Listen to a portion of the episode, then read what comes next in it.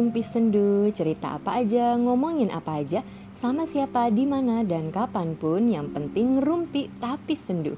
Biar syahdu gak kalah sama malam minggu. Apa pun itu, aku sayang kamu.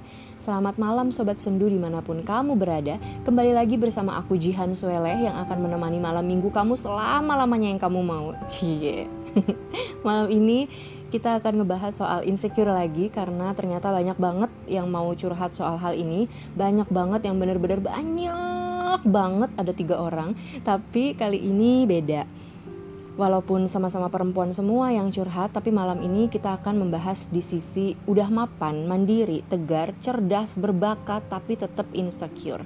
Kenapa? Dan bahkan tiga perempuan yang curhat di malam ini memiliki satu ketidaknyamanan, yaitu insecure sama pasangannya sendiri. Kok bisa?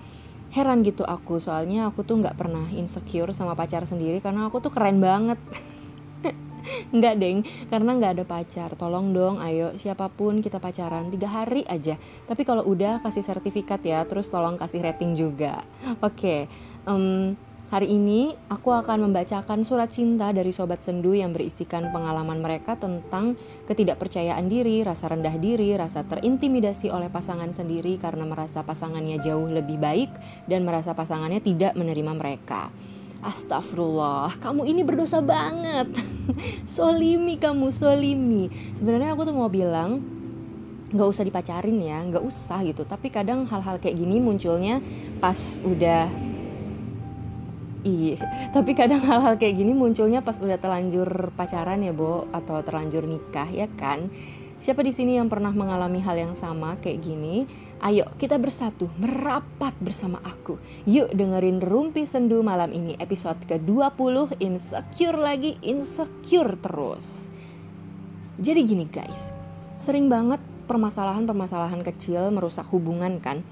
Contoh aja gitu ya. Kayak misal kita udah pacaran sama orang tapi kok pas pacaran sama kita pacar kita nggak pernah like foto kita ya. Nggak pernah muji kita nggak pernah kayak yang ketika kita melakukan sesuatu dia tuh membuat kita pede gitu. Sedangkan foto teman-teman kita yang cewek di like sama dia. Bahkan dia suka komen terus dia sering muji perempuan lain. Terus lebih perhatian ke orang lain. Pas sama kita ya datar-datar aja gitu. Hal-hal kayak gini sering banget jadi bikin insecure sama cewek. Aku juga bingung ya kenapa bisa begitu tapi emang mungkin uh, cowok kalau udah deket jadi ya udah aja nggak ngerasa perlu nyampah di sosmed pacar atau muji-muji karena mereka merasa udah bersama. Lebih penting ada ketika dibutuhkan ketimbang memuji pasangannya tapi cewek susah banget nangkep ini. Gaya komunikasi yang berbeda bikin perempuan jadi merasa rendah diri atas sikap laki-laki. Makanya banyak tuh e, kayak keluhan-keluhan bilang kalau dua bulan nikah suami masih baik, nanti lu lihat dua tahun dia pasti udah nggak peduli sama lo. Ini kan penilaian doang ya, belum tentu kenyataannya seperti itu. Banyak kok yang tetap baik, tetap setia, nggak semua orang sama gitu kan. Dan bisa jadi bosan lah melakukan hal yang sama terus setiap hari. Kayak tiap pagi bilang I love you dan itu harus dilakukan selama 20 tahun Bo. Gue jadi lo sih nggak mau Bo. Kan tiap orang beda-beda kan? Itulah pentingnya mengetahui karakter pasangan dan memperbaiki komunikasi kita bersama. Seperti yang udah aku bahas di podcast aku sebelumnya yang judulnya yakin siap nikah. Itu bisa didengerin buat yang belum denger supaya ada bahan untuk memulai pernikahan apa yang uh, ingin kita jalanin ada yang sekedar mempertahankan rutinitas tapi nggak terbuka sama pasangan. Ada yang penuh ledakan dan emosi tapi tahu satu sama lain gitu. Jadi kan beda-beda ya. Dan kalau pacaran tuh gimana ya? Nggak semua orang bisa langsung yakin gitu kalau pacarnya ini adalah jodohnya. Jadi kita jangan terlalu yakin juga kalau pacar kita ini jodoh kita. Wahai perempuan boleh kok kita muji cowok lain walaupun kita udah punya pacar? Ya emang kenapa? Jangan mau dibodohin dibodohin sama laki-laki gitu kan. Enak banget dia lo setiain tapi hati lo gondok terus kalau sakit ya tinggalin. Kalau masih bisa diomongin ya perbaikin. Jangan menutup diri hanya karena udah punya gandengan kan baru pacaran. Ini nih kelemahan banyak perempuan. Kalau udah punya pacar ya udah nutup segala akses buat yang lain. Nggak mau temenan sama cowok soalnya kan udah punya pacar. Padahal cowok lo banyak loh teman ceweknya. Temenan doang kok nggak ada yang salah asal tahu batasannya. Terus uh, kita boleh muji cowok. Boleh muji muji doang nggak ada yang salah kecuali kita udah punya pacar terus bilang ke cowok lain ih kamu ganteng deh ciuman yuk. Itu baru. Enak. Cuma aku juga menghargai para perempuan yang tentu sakit hati dengan perlakuan pacar yang seenaknya itu. Dan bisa jadi emang hal buruk hal buluk hal buruk telah terjadi. Bisa jadi emang si cowok ini nggak setia. Uh, saking banyaknya perlakuan laki-laki yang seperti ini jadi dibikin lagu kan lagunya Dewi Sandra Kapan lagi kau puji diriku seperti saat engkau mengejarku? Kapan lagi kau bilang I love you? Kayak gitu kan. Jadi itu kan urusan hati masing-masing. Cuma dia yang tahu kejujuran hatinya itu dan menurut aku kalau udah ada yang berubah dan masing-masing ngediemin berarti emang komunikasinya nggak kuat. Kita perlu banget banyak uh, banyak-banyak diskusi, ngobrol, cerita-cerita biar terhubung gitu satu sama lain, nggak sekedar yang-yangan doang. Nah, bisa kita bilang ke pacar kita kalau kita merasa kurang percaya diri ketika dia lebih sering ngomong uh, soal perempuan lain, atau kita merasa nggak yakin dengan kebahagiaannya karena dia terlihat cuek sama kita, jangan-jangan dia nggak bahagia atau sebagainya. Intinya ya diajak ngobrol gitu, tapi ya tentu ini eh, nggak uh, semua berhasil kan. Ada yang setelah dibilang kayak gitu lebih memilih bersembunyi, ada yang marah, ada yang bilang halah lebay dan sebagainya. Nah dari situ kita jadi tahu oh dia orangnya kayak gini. Jangan baper dulu, kita pelajarin dulu. Justru uh, dengan adanya omongan kayak gini kita jadi bisa memahami dia itu seperti apa. Kalau setelah ini malah harus putus ya udah mungkin emang dia bukan pasangan yang bisa diajak komunikasi. Kalau emang kita terlanjur cinta sama dia ya udah ajak orang lain jadi penengah dan biasanya keterlibat keterlibatan uh, penengah ini bisa lebih memudahkan komunikasi. Nah, sekarang saatnya kita baca surat dari sobat sendu yang insecure sama pasangannya, insecure sama dirinya dan insecure sama keadaan yang bikin takut untuk mencari pasangan. Kita mulai yang pertama, surat dari Wawa. Aku insecure karena sering ngerasa dia lebih jago dari aku, terus aku baper, abis itu nangis alay di kamar. Dia jago main musik, bahkan semua alat musik dia bisa. Dan banyak cewek yang ngidolain dia, plus dia selalu dipakai dalam beberapa tim band, sedangkan aku cuma bisa-bisaan doang, tapi skill punya sih. Nah dari situ aku ngerasa insecure-nya tuh banget banget, apalagi pas mau dapet tamu bulanan aku sampai nangis terus efeknya bikin hubungan kita jadi putus karena ujung-ujungnya saling curigaan terus bubar. Kita tuh jarang komunikasi mungkin bisa aja aku minta dia ngajarin supaya jago kayak dia dan punya quality time bersama. Jadinya dengan main musik bareng kan tapi dianya sibuk parah dan kayak mustahil aja gitu bisa mendapatkan itu dari dia ya udah sekarang dia udah punya pacar baru sedangkan aku masih jomblo. Aku sih berharap ada cowok yang mau langsung diajak nikah aja. Loh oke itu suratnya. Jadi itu ya maksud dari Wawa nulis surat sebenarnya biar bisa dibacain di sini dan orang-orang tahu kalau dia lagi jomblo dan pengen ada yang ngajak nikah. Oke sip. Silakan teman-teman jago main musik lo ini ya kan? Itu dia um, bisa dipahamin ya uh, wajar gitu ya. Sebenarnya insecure itu datang karena komunikasinya itu yang nggak lancar. Alih-alih kita mau bangga sama dia tapi karena dianya sibuk sendiri jadi gondok say. Dan jadi ngerasa bersaing karena komunikasinya itu yang kurang baik. Jadi kitanya tuh minder jangan-jangan di mata dia aku ini jelek main musiknya. Jangan-jangan dia udah deket sama cewek lain yang lebih jago. Jangan-jangan di antara cewek yang idola India itu ada yang dia suka dan jauh lebih baik dari aku. Terus ngeliat dia yang tadinya kita mau saling support tapi karena dianya begitu sikapnya kita jadi merasa minder dan merasa dia adalah saingan kita. Makasih buat Wawa udah mau cerita di sini dan semoga kelak bisa menikah dengan orang yang selalu mendukung kamu, yang gak bikin kamu minder dan uh, yang komunikasinya baik ya tentunya. Surat yang kedua datang dari Mala. Gila ya lu mal, rajin banget curhat di sini. Lama-lama gue bikin podcast khusus loh nih. Rumpi Mala, cerita tentang Mala, ngomongin si Mala, sama Mala, di mana-mana Mala, kapan pun itu Mala. Yang penting rumpi tentang Mala, biar Mala nggak kalah sama Mala. Apa pun itu, semua sayang Mala. Oke, langsung kita bacain surat dari Mala ya. Bismillahirrohmanirrohim. Semoga sahabat saya ini bisa dapat jodoh dari orang yang mendengarkan kisahnya ini. Amin. Halo, aku Mala. Halo Mala. Awal aku ngerasa insecure waktu remaja saat masuk di SMP dan SMA. Apalagi di waktu itu banyak yang sering ledek fisik yang bikin aku nggak pede. Nah, apalagi kan aku pernah ada penolakan dari seseorang di masa lalu yang buat aku makin gak pede dan merasa gak pantas diterima. Sulit buat aku menerima orang baru lagi.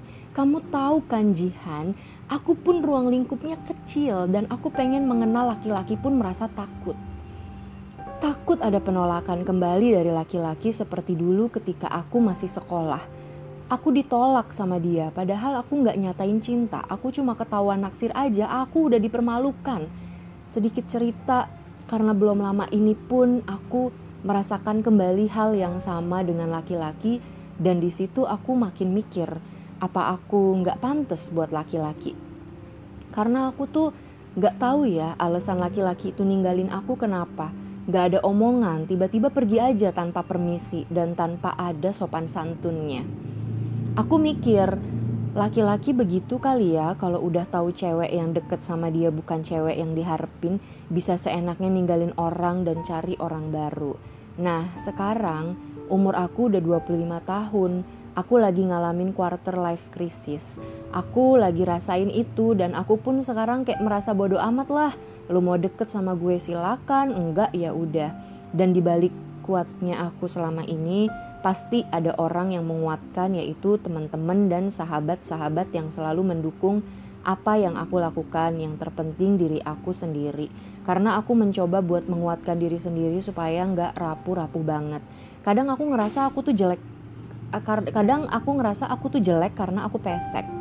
Dan dari zaman dulu itu penolakan datang karena dulu aku suka dikatain item, pesek, nggak terawat dan bahkan sering dibilang hidung aku kayak jambu bool. Aku udah mengubah penampilanku, aku merawat diri. Sekarang aku udah cerah kulitnya, bersih, tapi tetap pesek. Dan itu kan gak mungkin diubah, itu udah ciptaan Tuhan. Aku bersyukur dengan apa yang Tuhan berikan padaku, dengan kelemahanku ini. Tapi orang-orang sering nolak aku karena kekurangan aku ini. Dan itu yang bikin aku insecure. Apa bisa ada laki-laki yang nerima aku apa adanya? Sekarang aja makin banyak cewek cantik dan aku merasa makin sulit mendapatkan laki-laki yang mau nerima cewek apa adanya. Tapi aku tetap berdoa, semoga Allah punya cara terbaik buat hidupku kelak. Amin. Itu dari Mala ya. Makasih Mala udah cerita. Jadi ke bawah suasana nih. Jujur ya, tapi uh, aku tahu banget perasaan Mala karena aku dulu pernah coba kenalin temen aku gitu ya ke cowok yang aku kenal dia baik dan aku kenalin ke dia karena aku tahu cowok ini uh, lagi serius mau menikah terus dia juga terlihat baik dan dia pernah cerita kalau dia dulu susah dapat pacar. Nah karena itu aku ngerasa dia pasti bisa menghargai orang lain yang terlihat ada kurangnya gitu. Aku kenalin lah aku bilang sejujurnya kalau temenku ini sifatnya seperti apa. Terus aku bilang kelebihannya apa? Kekurangannya apa? Cowok ini tertarik. Dia bilang boleh dong tapi lihat fotonya dulu deh. Aku kirim fotonya Loh, aku pikir dia akan bereaksi lebih bijak atas sesuatu yang menurutnya kurang indah ya, karena dia udah dewasa dan dia pernah dapat banyak penolakan, seharusnya jiwanya lebih berisi gitu. Tapi ternyata dia justru menghina temanku itu. Aku nggak bisa cerita dia ngomong apa karena e, cara dia ngomong itu nyakitin banget dan sampai akhirnya aku cuekin ya omongan jahatnya itu dan aku nggak mau lagi melakukan hal itu. Jadi aku cuma bisa bantu doa semoga masih banyak laki-laki baik yang tidak merendahkan orang lain hanya karena uh, fisik. Bukan cuma malah yang ngerasain ngerasain hal kayak gini ya banyak karena masih banyak orang yang tertutup mata hatinya yang sempit pikirannya yang melihat perempuan hanya sebagai hal yang indah-indah masih banyak laki-laki yang mencintai kesempurnaan. Dulu aja ya waktu sekolah ada tuh temen-temen cowok yang ngumpul cuma buat ngomongin fisik cewek yang arahnya ke hal-hal yang kurang elok ya. Jadi ada yang cantik tapi kekurusan, mereka ledek, katanya nggak enak. Terus ada yang nggak cantik tapi bohai, mereka bilang enak asal sambil merem. Ada juga yang badannya biasa aja tapi cantik, mereka bilang dinikmatin aja, tapi liatnya ke mukanya aja gitu kan. Nah, kan gak enak ya didengar kalau kayak gitu kan. Cowok-cowok kayak gini yang sering bikin perempuan merasa rendah diri merasa buruk merasa jelek dan ada juga yang jadi benci laki-laki hanya karena mereka mereka ini. Semua orang pasti punya selera kan tapi setidaknya nggak usah merendahkan keadaan orang lain hanya karena menurut kita itu nggak bagus. Kayak misal kasus yang kemarin heboh soal polusi mata. Gara-gara ada cewek di tempat nge-gym yang badannya nggak bagus dan warna kulitnya nggak rata akhirnya ada cewek yang nge-tweet ngata-ngatain dia. Aku nggak mau bilang itu benar atau salah ya karena masing-masing orang punya keinginan sendiri untuk melihat apa-apa yang bisa mereka lihat dan apa yang ngeganggu pandangan mereka. Tapi penting atau enggak gitu loh ada pentingnya buat kita nge-tweet hal kayak gitu kan gak ada gunanya juga mending kasih tahu tips biar kulitnya warnanya rata biar badannya cepet langsing semua orang pasti pengen lah punya badan bagus dan semua orang pasti punya masalah dengan warna kulit yang tidak merata, belang-belang ya kan? Dan susah menjaga itu, susah dari gendut ke kurus, susah dari bulu ke glowing. Jadi yang ngerasa dirinya udah cakep, setidaknya berbahagia aja, nggak usah mencari ketenangan hidup dengan merendahkan orang lain. Buat yang merasa jelek, tetap harus punya kualitas diri cari banyak pengalaman. Kalau hati belum siap, gak usah dulu mendekat sama lingkungan yang akan menjatuhkan kita. Orang-orang yang produktif, yang banyak berkegiatan di bidang sosial, biasanya lebih luas pandangannya. Jadi bisa kita coba nih buat mendekat ke orang-orang yang pola pikirnya lebih dewasa. Yang gak sibuk narsis dengan merasa diri hebat atau sibuk komen keadaan orang lain. Aku pernah ikut kegiatan ya, bukan bidang uh, sosial sih tapi orang-orangnya itu awalnya aku pikir nggak nerima aku ya karena mereka keren-keren banget berbakat dan punya pekerjaan yang hebat-hebat. Tapi ternyata mereka baik dan gak mempedulikan kekurangan. Mereka fokus sama apresiasi. Jadi orang-orang seperti itulah yang akan menaikkan kepercayaan diri kita dan mulai dari sekarang niatin buat banyak ikut kegiatan banyak terlibat dalam pertemuan yang produktif karena kita bakal lihat banyak sekali jenis manusia dan kita akan berkurang merasa semua laki-laki itu sama, semua perempuan itu sama, semua orang itu sama gitu. Karena pandangan kita udah lebih luas uh, dan kita fokus pada kualitas diri kita, kemampuan kita, fokus pada kebaikan-kebaikan bukan bentuk-bentuk tubuh atau semata keindahan aja. Tapi kita lebih membutuhkan kedalaman, karakter gitu. Oke, okay. sekarang kita bacain surat yang terakhir. Surat ini datang dari Alex the Sad Girl Summer. Us, aku iri sama orang yang seusiaku atau lebih muda dari aku dan mereka lebih sukses. Misalnya, aku lihat Kylie Jenner. Ya, dia masih muda banget tapi udah jadi bilioner lebih kaya iri dan dengki kalau mereka dapetin apa yang aku impikan selama ini yaitu uang uang uang uang uang money bitch di usia ini ya irinya tuh kayak wah temen A ada yang bikin bisnis sendiri temen B lanjut S2 temen C kerja di luar negeri temen D terlihat produktif ya banyak proyeknya kadang aku iri ngelihat mereka punya pasangan yang terlihat baik juga eh iya ha -ha, jadi iri juga sama uh, ngelihat pasangan yang terlihat baik gitu. Ini tuh jadinya insecure plus iri gitu katanya. Sekarang aku lagi nonaktif sosmed loh. La, uh, tapi ngatasin insecure atau iri aku segala macem negatif feelings itu belum ketemu gimana? Lagi belajar self love aja. Tapi juga nggak tahu gimana. Kamu ada saran nggak? Aku menangis nih mengutuk diri. Aku aku insecure banget nih. Baru putus doi kayak menunjukkan sinyal kalau nggak tahan sama insecurities dan overthink habit aku. Jadi ya sekarang lagi refleksi sama semua bad habit. Aku uh, insecure iri hati ignorant self loathing segala macem. Dan aku selain insecure sama pacarku dulu itu aku juga sering curhat soal keinsecurean aku. Toxic girlfriend banget nggak sih aku ini? Aku merasa nggak bakal bahagia merasa gelisah terus, merasa nggak bakal pantas buat dicintai siapa-siapa. Insecure masalah percintaan sih ya yang lagi high banget sekarang. Kayak aku ngerasa udah kerja sangat keras buat level up diri agar pantas, eh tetap aja ditinggalin dan disakitin. Jadi kan aku super insecure like shit. Ternyata gue sampah doang buat doi. Huh, dia bilang sama aku bulan lalu di depan muka aku langsung kalau dia nggak cinta sama sekali sama aku dan dia kangen sama mantannya. Damn, sakit. Dan aku juga insecure sama penampilan. Aku tuh kan emang lurus banget ya underweight dan aku udah melakukan segala treatment buat gemuk tapi susah. Goal mantanku itu dulu juga bikin aku gemuk. Oke, okay. but it didn't work. Semua orang sekitar aku mau lihat aku gemuk, tapi aku nggak tahu gimana. Dan akhirnya aku merasa super insecure. Aku nggak pernah merasa cantik. Balik lagi ya, jadi ngerasa kalau nggak bakal ada yang cinta sama aku Walaupun aku tahu kan penampilan bukan barometer, tapi kan tapi kita hidup di lingkungan sosial yang gak bisa dihindari dengan konsep yang tai.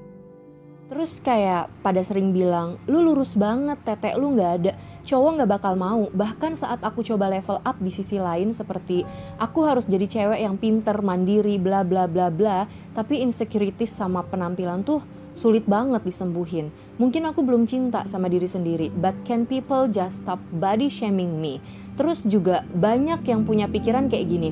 Kalau udah kerja, udah punya duit, kalau gemuk berarti dia bahagia. And I'm like, dude, badan gue tipis, tapi dompet gue tebel. Sini gue tampolin. Atau kayak udah lama gak ketemu terus bilang, masih kurus aja loh, gaji kurang. Iya Allah, emang kurang, kurang ajar loh. Aku tuh weight gain program sering banget terus give up sendiri aku lagi minum vitamin susu apeton sampai beli timbangan di rumah eh aku malah tambah kehilangan berat badan sekarang turun 5 kilo jadi 37 kilo gara-gara patah hati banyak yang bilang coba lu gemukin dikit pasti cakep. Terus aku yang kayak oke okay, do you think I'm ugly no atau pantat lu ada tapi tetek lu rata banget. Atau eh lo masih pakai mini set ya? Terus aku jawab aku prono brades banyak deh punchline orang-orang yang bikin aku insecure banget. Maksudnya ya udahlah daripada bacot mending kasih gue makanan enak tiap hari mantanku ini tuh selalu panggil aku cantik dan endut. Jadi aku senang banget insecurities aku sempet hilang waktu sama dia. Tapi kan ternyata dia bangsat. Uh makasih Alex sudah cerita. Ini dari sisi cewek kurus ya. Padahal udah keren loh mandiri pinter berbakat punya kerjaan macem-macem. Tapi tetap aja ya Bo masalah perempuan adalah fisik kecantikan bla bla bla Duh nggak paham deh ya. Kayaknya nggak habis-habis gitu kalau ngomongin soal insecure. Tapi mungkin aku bisa mencoba membantu teman-teman yang sedang merasa insecure dengan cerita ini. Jadi dulu aku pernah kenal sama dua cewek Cantik banget. Rambutnya indah, badannya bagus, glowing. Udahlah di mata kita pasti nggak akan pernah dibully mereka kan. Tapi ternyata uh, mau cewek mau cowok nyari kelemahan mereka gitu yaitu yang satu hidungnya gede, yang satunya lagi suaranya cempreng dan itu jadi fokus orang-orang. Tapi mereka merasa baik-baik aja, nggak tahu hatinya ya. Tapi setidaknya mereka nggak memperlihatkan rasa insecure itu. Kayak yang hidungnya gede nih, dikatain gila hidung lu kayak tempelan gede banget. Terus yang suaranya cempreng lu mah cakep tapi suara lu ganggu banget mending lu diem aja lo cantik asal nggak ngomong dan mereka mengatasi uh, mengatasi itu dengan tertawa. Sama juga kayak Dewi yang minggu kemarin curhat mengatasinya dengan ngatain diri sendiri meledek diri sendiri tapi nggak benci. Dijadiin lelucon aja biar nggak kaget kalau dikatain orang lain. Cuma nggak semua orang bisa kayak gitu kan. Nah ada nih yang ngatasin dengan uh, fokus ke masalah-masalah penting. Jadi otaknya udah biasa mengatasi hal penting. Kalau dikatain responnya otomatis, halah apa sih nggak penting gitu kan. Atau ada juga yang ngatasinnya dengan mencari kelemahan orang lain. Setiap orang lain kan, setiap orang kan pasti punya uh, kelemahan ya. Ketika dikatain dasar lu kerempeng dia bales. Eh anda nggak punya kaca, itu coba lihat gigi Anda bolong. Anda sering belekan, kuping Anda kotor, perut Anda buncit walau terlihat langsing, mulut Anda sering bau, dan sepertinya pacar Anda selingkuh diam-diam dari Anda. Atau ada juga nih, semua omongan orang lebih banyak dianggap uh, candaan. Jadi dikatain nih, buluk lo. kok lo makin jelek sih mm. ih jijik deh ngelihat lo mm. kayak gitu kalau aku uh, menanamkan di kepala aku ya orang yang suka ngatain orang lain itu adalah orang yang punya masalah dalam dirinya. Dia melindungi diri dengan cara menyakiti orang lain. Perhatiin deh, uh, perhatiin gitu orang-orang yang suka ngatain orang lain ya kamu perhatiin terus. Lama-lama kamu bakal paham polanya Aku ngomong kayak gini karena aku sudah banyak mengalami pembulian ya dari aku balita bahkan. Aku punya banyak sekali kelemahan dari fisik aja tuh semua yang ada di aku ini dibully dulu. Dari otak juga, kepribadian juga, uh banyak banget. Dan aku selalu ditolak di mana pun aku berada. Dan pembulian aku ketika aku kecil sampai SMP itu bukan cuma kata-kata, tapi aku juga mengalami banyak kekerasan fisik dulu. Bahkan aku dibully bukan sama yang seumuran doang, tapi sama orang yang jauh lebih tua, jauh lebih muda juga, bahkan bahkan seorang guru yang harusnya mendidik justru membuli muridnya sendiri dengan cara yang tidak pantas. Dan dari situ aku belajar, aku memahami orang-orang, siapa membutuhkan siapa, siapa diabaikan siapa, dan siapa yang peduli siapa. Di situlah polanya kelihatan. Dan kesimpulannya emang orang yang sering membuli adalah orang-orang yang terbuang. Entah itu keluarganya buruk, entah itu kemampuannya nggak ada, dan kebanyakan mereka nggak punya apa-apa untuk dibanggakan, maka fokus mereka mencari kelemahan orang lain atau mereka memiliki sifat narsistik. Dan dari situ aku merasa kayaknya aku nggak perlu fokus ya sama hal-hal yang kayak gitu. Jadi aku fokus pada kebaikan, berbuat baik aja terus tanpa berharap apa-apa. Pasti kok kalau kita yakin akan kebaikan semesta, kita akan dipertemukan dengan takdir-takdir yang baik. Entah itu teman yang nggak banyak bacot, entah itu pacar yang nggak neko-neko, yang penuh syukur, entah itu rezeki yang terus mengalir. Intinya fokus pada hal-hal yang baik dan nggak kagetan juga dengan kejahatan. Hati kita kan yang harus dikuatin ya dan pikiran kita harus diperbaikin.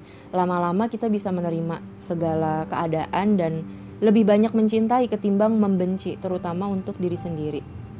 Aku uh, melakukan ini dan sudah merasakan cara kerja semesta ya. Nggak tahu teknisnya gimana, tapi aku sangat merasakan efeknya. Kalau dibilang kambuh daunnya pasti itu akan selalu ada ya fasenya tapi nggak lama-lama karena udah tahu cara tepat yang cocok buat ngatasin masalah itu di diri aku. Intinya ada banyak cara buat percaya diri tinggal kitanya aja mau cocok sama yang mana dan kitanya mau bergerak atau enggak gitu. Dulu uh, beberapa kali berhadapan dengan orang yang punya masalah kayak gini ya ada yang berhasil jadi percaya diri, ada yang enggak, dan yang tetap insecure terus-terusan itu adalah orang yang cenderung nyaman dengan keadaannya dan suka membanding-bandingkan, nggak mau memperbaiki sesuatu yang kusut di kepalanya itu, tapi ya nggak apa-apa, itu proses, pasti akan nemuin cara sendiri dan mendapatkan waktu yang tepat untuk memperbaikinya. Dan aku yakin teman-teman yang nulis surat tadi dan semua yang sedang mengalami hal yang sama pasti bisa bangkit dari permasalahan insecure ini. Pokoknya berusaha terus cari lingkungan yang sehat dulu, ganti fokusnya kepada yang lebih baik daripada yang dikatakan orang-orang. Atau gini, dulu pas aku SD aku udah gak kuat ya dibully. Ibuku bilang, mulai besok kalau ada yang bully, kamu punya dua cara. Pertama, lawan. Kedua, anggap kamu nggak punya kuping. Mereka pasti bakal ganggu orang lain. Kalau aku lawan, aku nggak bisa. Karena dulu aku tuh kayak makhluk halus ya. Nggak kelihatan, nggak pernah dianggap ada kecuali untuk dikata-katain doang. Nah, akhirnya aku pilih untuk anggap uh, aku tuh nggak punya kuping. Semua omongan bener-bener nggak ada yang aku dengar. Jadi pas dikatain nih aku ngelamun mikirin yang bikin aku seneng aja gitu. Dan ternyata itu berhasil. Mereka cari orang lain untuk dibully. Karena capek bo ngebully orang yang cuek ya kan? Mereka jadi ngerasa anjir gue nggak nggak dianggap gitu kan? Terus uh, kurangin berekspektasi ya. Hanya kita yang bisa menolong diri sendiri.